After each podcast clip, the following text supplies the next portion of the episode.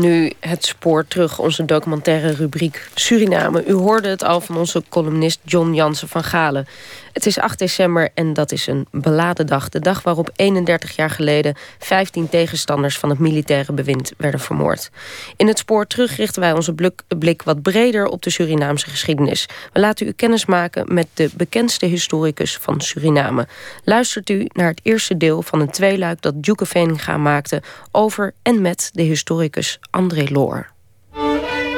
Ja!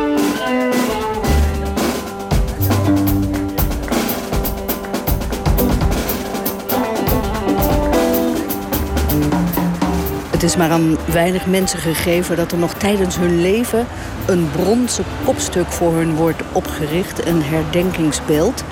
Maar hier in Paramaribo, aan de Lachmonweg, is dat gebeurd. Hier staat hij, een zwart marmeren sokkel met een bronzen kop erbovenop en een plaat. En daar staat op ter herdenking aan de verdiensten van de historicus Dr.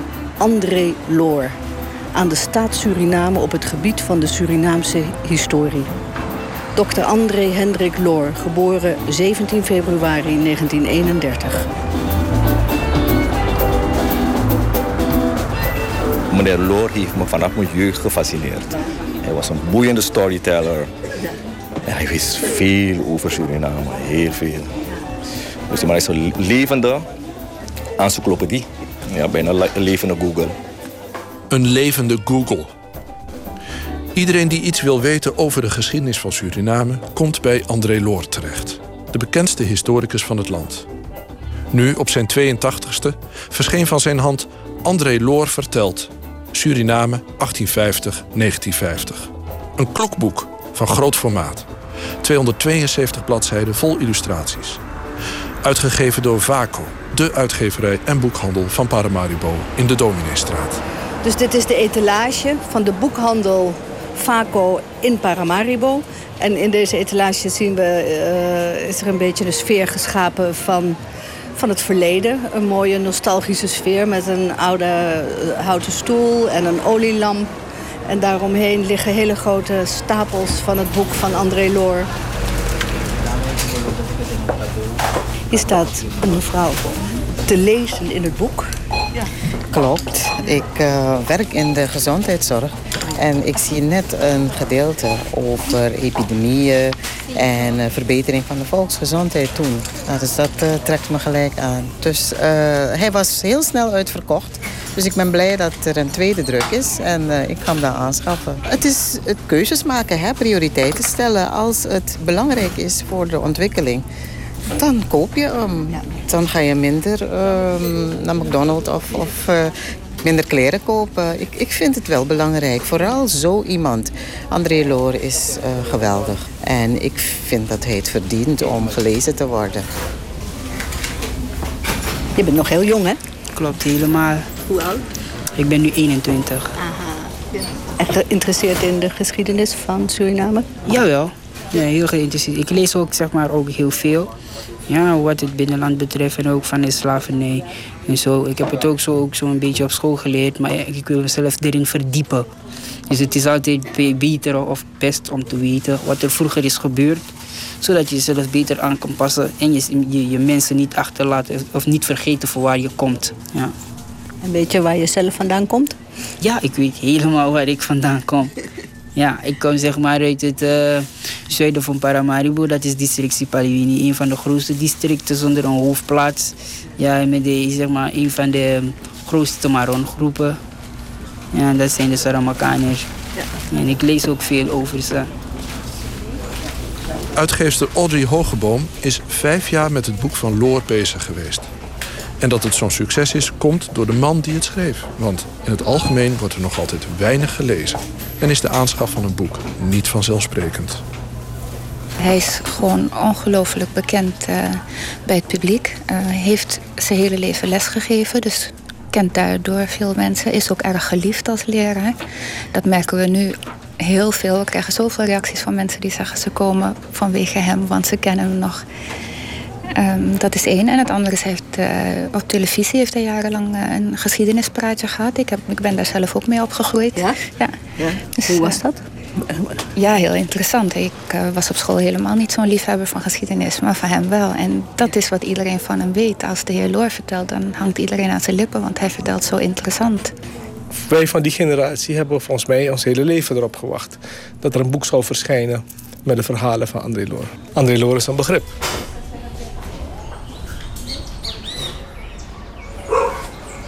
Goedemorgen, meneer Loor. Goedemorgen. Wij zitten hier geweldig op een veranda.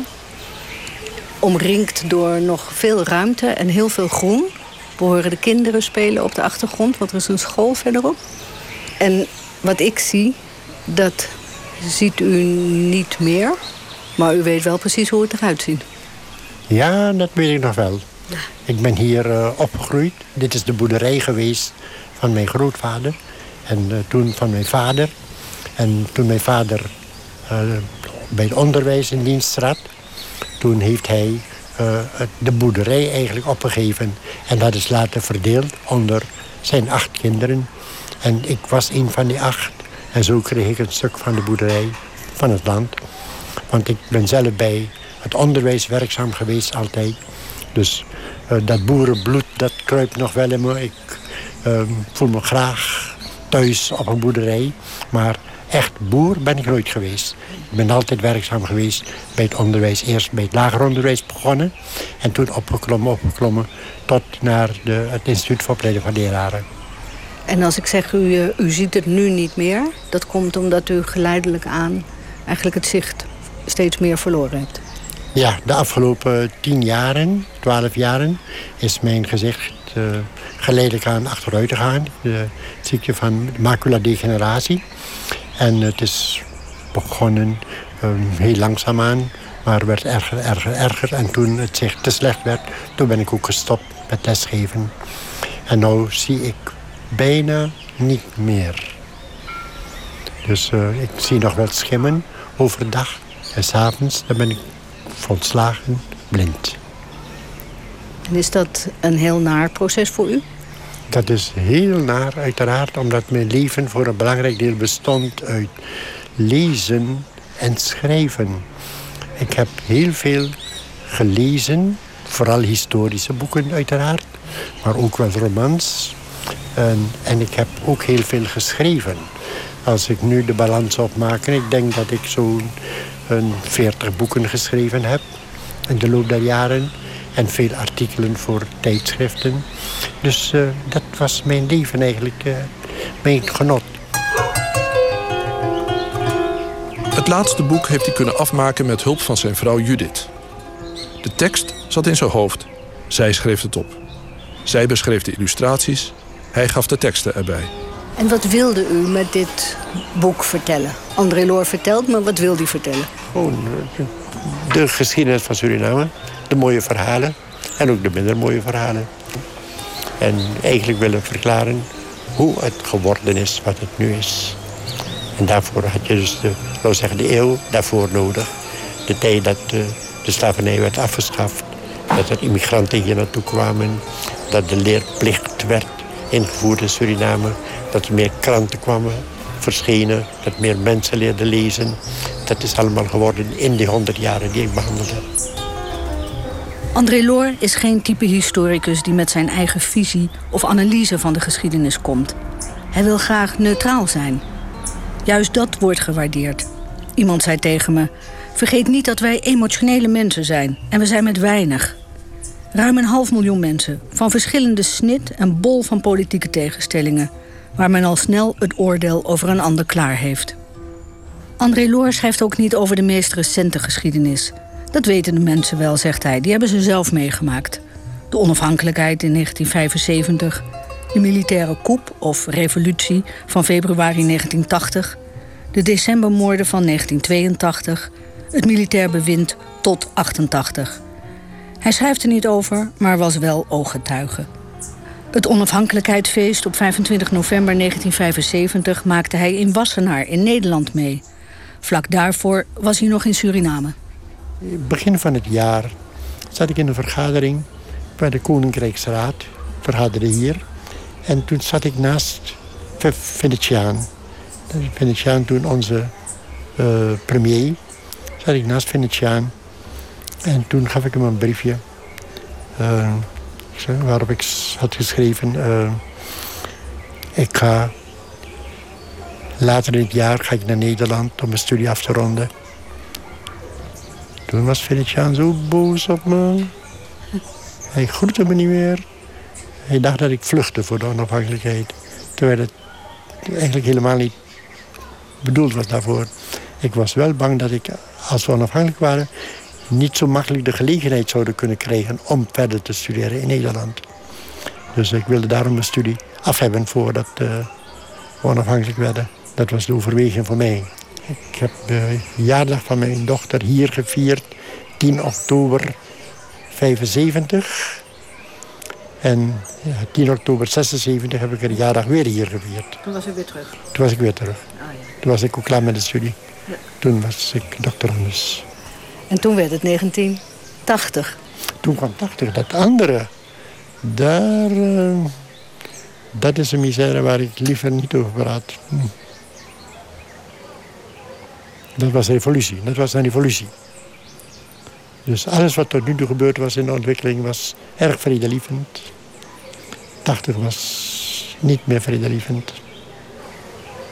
Ik had bezoek uit Nederland van een goede vriendin van me. En we reden naar de steiger, want we, zouden met de boot moeten gaan verder. En toen we het kamp passeerden, hier het militair kamp... toen was er ineens iemand die met, uh, aan de kant stond met uh, een geweer, een oesie, op ons gericht. Halt, stop. Ik, ik, ik schrok, ik, ik, wist niet dat er iets aan de hand was. Maar die man stond daar zo dreigend met het geweer op ons gericht. Direct, ik heb niet gekeerd, ik heb zo achteruit gereden, terug. Toen thuis de radio aan. En toen was één radiostation was in de lucht. Toen vertelde zij wat er aan de hand was. Dat was geweld. En ik hou niet van geweld. En daar praat ik het dan ook niet graag over.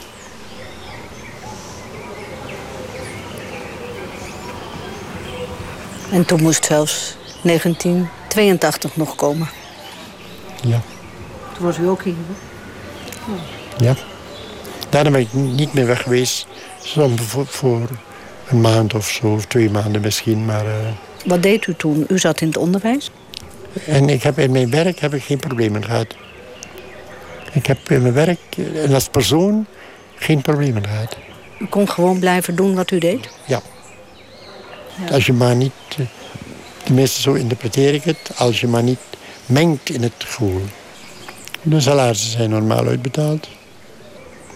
Dus het leven ging in vele opzichten gewoon door. Het is moeilijk te omschrijven. En daarom, daarom ben ik bang erover te praten. Omdat je misschien een verkeerde indruk kunt geven of hebben van iets. Heeft u toen wel eens gedacht, ik ga weer naar Nederland? Niet. Ik heb wel mijn dochter toen weggestuurd. Zij zat op de geneeskundige school hier studeerde voor arts. En ik, eh, de universiteit werd gesloten. En zij zat op de universiteit. Dus ik heb haar toen naar Nederland gestuurd. En daar is ze gebleven tot vandaag. Ja, dat is voor mij eigenlijk, als ik moet, zo moeten zeggen...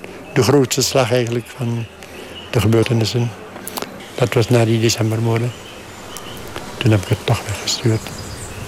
En toen bloedde mijn hart.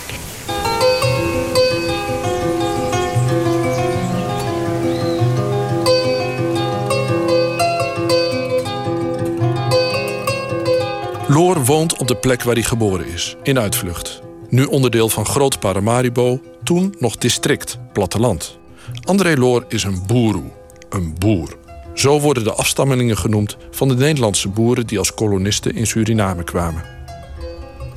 Tegenwoordig zijn er zo'n duizend personen die zo aangeduid worden, als etnische groep.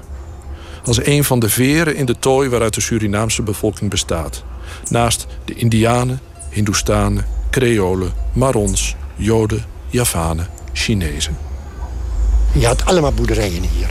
En toen woonden hier veel nakomelingen ook van de kolonisten van 1845. Tegenwoordig zijn bijna alle boerderijen van toen zijn verkaveld. Dat zijn um, woongebieden geworden. Zoals hier bijvoorbeeld, waar we nu zitten. Dit was een boerderij. Dit heb ik in mijn jeugd nog als een boerderij gekend. Maar na de oorlog, toen was er behoefte in Paramaribo uitbreiding. Men had land nodig om huizen te bouwen. En de boeren die ontdekten al gauw dat ze meer verdienden door hun land te verkopen... dan door onder die koeien te gaan zitten en te gaan melken elke dag... waar ze dan bijna niks voor kregen. Want een liter melk kostte misschien 8 cent per liter. En daar word je niet rijk van. Maar uh, de boeren hebben toch een bijdrage geleverd. Ze hadden hun koeien, maar ze planten dan ook cassave. En dan konden ze die cassave voeren aan die koeien. Dus het was... Uh, ook de wissellandbouw hebben de boeren hier ingevoerd. Dus dat ze wisten, eh, ik kan niet altijd cassave planten daar. Dus daar planten ze cassave. Als de oogst binnen is, dan ver veranderen ze het in uh, bananen. Dan gaan we bananen planten. Als die bananen geoogst is, dan gaan we daar zoete pataten planten. Uh, dan gaan we nappie planten, wat dan ook. Dus op die manier werd de grond niet uitgeput. En dan een gegeven moment, dan wordt het hele terrein weer opengegooid. Dan mogen de koeien gaan grazen. Die wisselcultuur, dat is een bijdrage. Ik mag zeggen een belangrijke bijdrage die zij geleverd hebben. Uh, zij hebben het overgedragen, want hadden vaak een knecht in dienst. Bijvoorbeeld een Hindustaanse immigrant, een Javaanse immigrant. Die zag dan hoe die boer dat deed. En wanneer zij dan helemaal vrij waren van contract... of wanneer ze genoeg geld hadden verdiend... dan begonnen ze met een eigen bedrijfje. En dat deden ze dat op dezelfde manier waarop ze het hadden zien doen bij die boer. En hoe werkte dat dan precies met dat contract? Kijk, uh, na de afschaffing van de slavernij in Suriname, 1863... toen had men op de plantages arbeiders nodig. Men heeft toen immigranten laten komen uit diverse landen. Uit China, uit van Java, van uh, Brits-Indië. En die moesten dan onder contract vijf jaar werken. Op een plantage bijvoorbeeld. Maar na die vijf jaar waren ze vrij. Ze mochten teruggaan naar hun land. Ze mochten een eigen bedrijf beginnen. Of ze mochten bij iemand anders als vrije arbeider in dienst gaan. En heel wat hebben het toen gedaan, bijvoorbeeld door bij de kolonisten in dienst te gaan. In 1845 was Suriname een Nederlandse kolonie waarop de plantages producten werden verbouwd voor de Europese markt en waar de overgrote meerderheid van de bevolking in slavernij leefde. In diezelfde jaren was er in Nederland veel armoede, vooral op het platteland.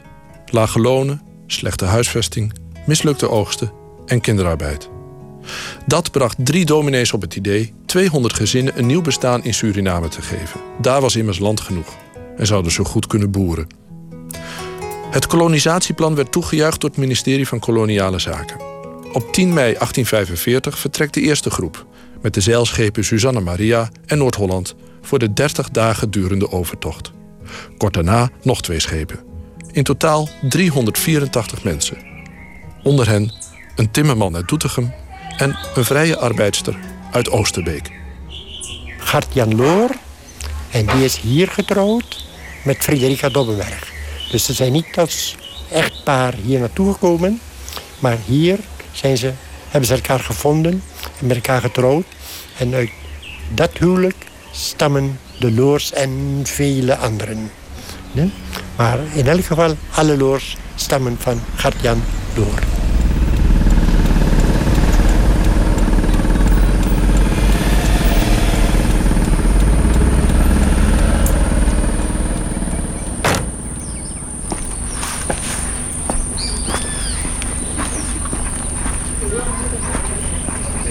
40 kilometer buiten Paramaribo is dit het dorp Groningen aan de Saramacca-rivier. Een brede rivier, die Saramacca, bruin water. Hij stroomt behoorlijk snel. Pollen, gras en stukken hout en takken komen voorbij. Daar aan de overkant een bosrand, niet eens zo heel erg hoog. Moerasachtig bosgebied, dicht, ondoordringbaar. Hier aan deze kant van de rivier leven van het dorp. En hier verderop mensen die vestigingen hebben, huizen aan die rivier, bootjes die daar gaan. Aan deze kant. Aan de overkant. Ondoordringbaar, groen. Ja, goedemorgen. Ik ben Roy Zondervan en ik verzorg hier in Groningen de historische wandeltochten. En uh, ik woon zelf hier in Groningen. Ik ben geen afstammeling van de boeren, maar uh, het verhaal ken ik wel. Als we naar de overkant kijken, aan de overkant van de rivier, dan zien we uh, allemaal groot bos. de groene hel, zoals ik dat noem. Omdat ik daar doorheen ben gaan wandelen en het een en ander heb gezien en meegemaakt daar. dat is ook de plaats, plantage voorzorg, waar dus de Nederlandse kolonisten gewoond hebben. Waarom ik de hel noem, is omdat het allemaal zo slecht was voorbereid voor de komst van de boeren. Er waren allerlei beloftes. Ze zouden dus uh, elke stuk grond krijgen, koeien krijgen, om dan te kunnen gaan boeren. Maar uh, toen ze eraan kwamen, was er niks voorbereid. Oh, toen dachten ze, hé, wacht even, we hebben gewoon lege plantages staan daar, plantage voortzorg. En daar zijn de mensen toen naartoe gebracht. Nou, je kan je voorstellen wat er gebeurt als het schip hier ligt voor de haven, eh, in de rivier... en de mensen kijken naar dat bos. Eh, allemaal huilen en schreeuwen en willen terug naar Nederland gaan. Het was een hele toestand. Ze zijn toch uiteindelijk moeten ontschepen. na drie weken uh, begonnen al problemen met uh, het ziek worden van de mensen.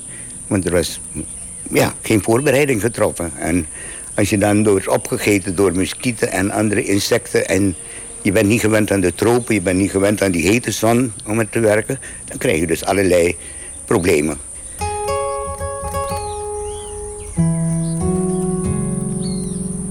De boeren moesten zich ver van Paramaribo vestigen, was de gedachte... om zo niet blootgesteld te zijn aan de invloeden van de oude koloniale samenleving. Plantage Voorzorg was tot 1823 een lepra-kolonie geweest. Een poging tot kolonisatie door vrije negers daar was al eerder mislukt. Nu mochten de Nederlandse boeren het proberen. De hutjes eh, voor 384 mensen waren 14 hutjes gebouwd. Met vloed liepen ze onder water. Dus moesten de mensen op banken of hangmatten die boven water hingen als ze uitstapten, dan stapten ze in water. En de gronden die klaargemaakt zouden zijn voor hun landbouwveeteelt bestonden niet.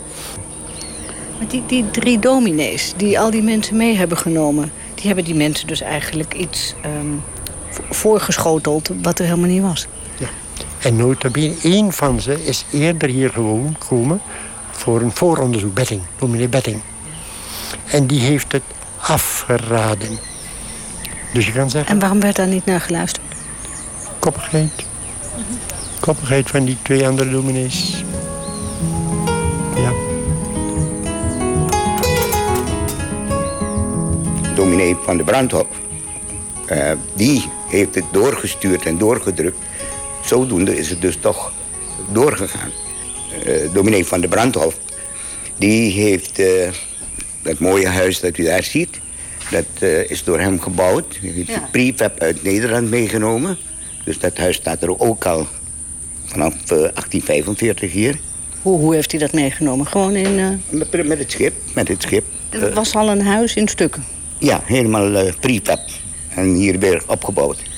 Een hele grote houten villa met een, prachtige veranda ervoor. Dat was een heel groot huis. En daar woonde hij alleen, de dominee? Ja, daar woonde hij dus met zijn vrouw en zoon. Uh, tussen de lippen door. Ik heb er ook in mogen wonen, want mijn vader was hier districtscommissaris. En dat is de huidige woning van de districtscommissaris. Ah, ja. Nu ook? En nu ook, maar het uh, wordt nu gerestaureerd. Dus op dit moment uh, woont er niemand in. Kunnen we erin of niet? Jazeker, we kunnen oh, ja. wandelen. Ja. Maar van hier had hij dus een pracht van een uitzicht op, uh, op de overkant. Zo breed is de rivier nu ook weer niet. Nee. Je hoort de mensen schreeuwen, bij wijze van spreken. Ja, bij wijze van spreken. Je kan de mensen uh, roepen. Wat weten we daarvan? Hoe dat gegaan is? Waarom nou, hij hier zo zat en dat aan de overkant eigenlijk gewoon liet gebeuren? Uh, het uh, verhaal gaat dat hij op een goed, eh, na zes maanden is zijn vrouw overleden. En vanaf toen heeft hij ja, een soort inzinking gehad.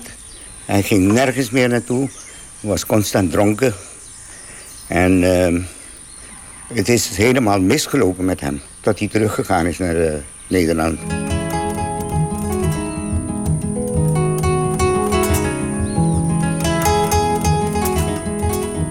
...384 zijn gekomen.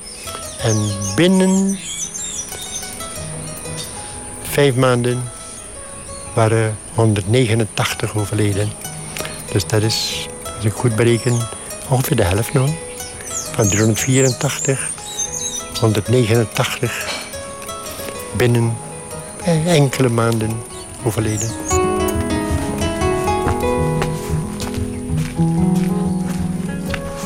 Ah, hier is de openbare begraafplaats. We staan nu hier bij de uh, grafplaat van uh, mevrouw Pannenkoek, uh, Anna Pannenkoek. Die dus de vrouw was van dominee van de Brandhof. Overleden op 10 november ja. 1845 dus al meteen. Ja. ja. En het typische is, anders dan iedereen altijd gedacht had... waar zijn de boeren begraven? He, men dacht, ze zijn aan de overkant doodgegaan, ze zijn allemaal daar begraven. Tot 2011, september 2011, is er hier de professor uh, De Vries gekomen uit Nederland, Leiden. En toen zijn we gaan zoeken. Uh, in dit geval hebben we dus hele skeletten gevonden, zelfs van kinderen. Uh, niet allemaal op dezelfde diepte. Er was geen tijd, naar het schijnt, om ze te begraven. Want zo snel gingen ze dood, achter elkaar. En niet allemaal in kisten. En DNA-monsters genomen voor onderzoek waar zijn de boeroes aan overleden. En dat resultaat wachten we nog af. DNA-onderzoek zal dus moeten uitwijzen welke epidemie die eerste groep trof. Maar wie toen overleefd heeft, is er sterk uitgekomen. Zo ook voorvader Loor. Na die eerste misère van voorzorg zijn ze naar Groningen gegaan. En daar ging het redelijk goed, geen doden meer. Gezond. En economisch uh, was het niet zo ideaal nog, maar uh, ze waren gezond. En toen hebben ze een liedje gemaakt. Wij leven vrij, wij leven blij op Surinaamse grond. Verbonden tot één maatschappij zijn wij door eendracht groot en vrij. Hier dulden wij geen slavernij tot wereldsavond stond. Dat hebben de boeren toen daar gemaakt. Op Groningen. Hun volkslied toen. Hun volkslied.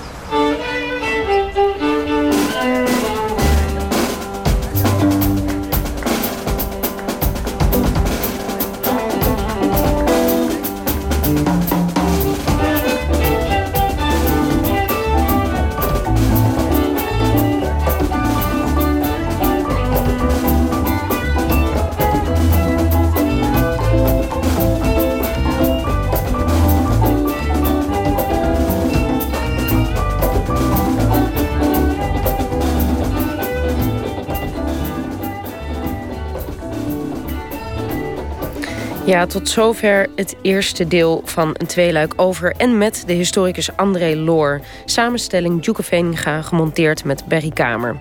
Volgende week meer met Loor en dan ook een nadere kennismaking met de eerste lichting geschiedenisstudenten en hun docenten aan de Anton de Kom Universiteit. Wie het boek van André Loor wil hebben, ga naar www.vaco met een c vaco.sr slash loor ook te vinden op onze website van OVT.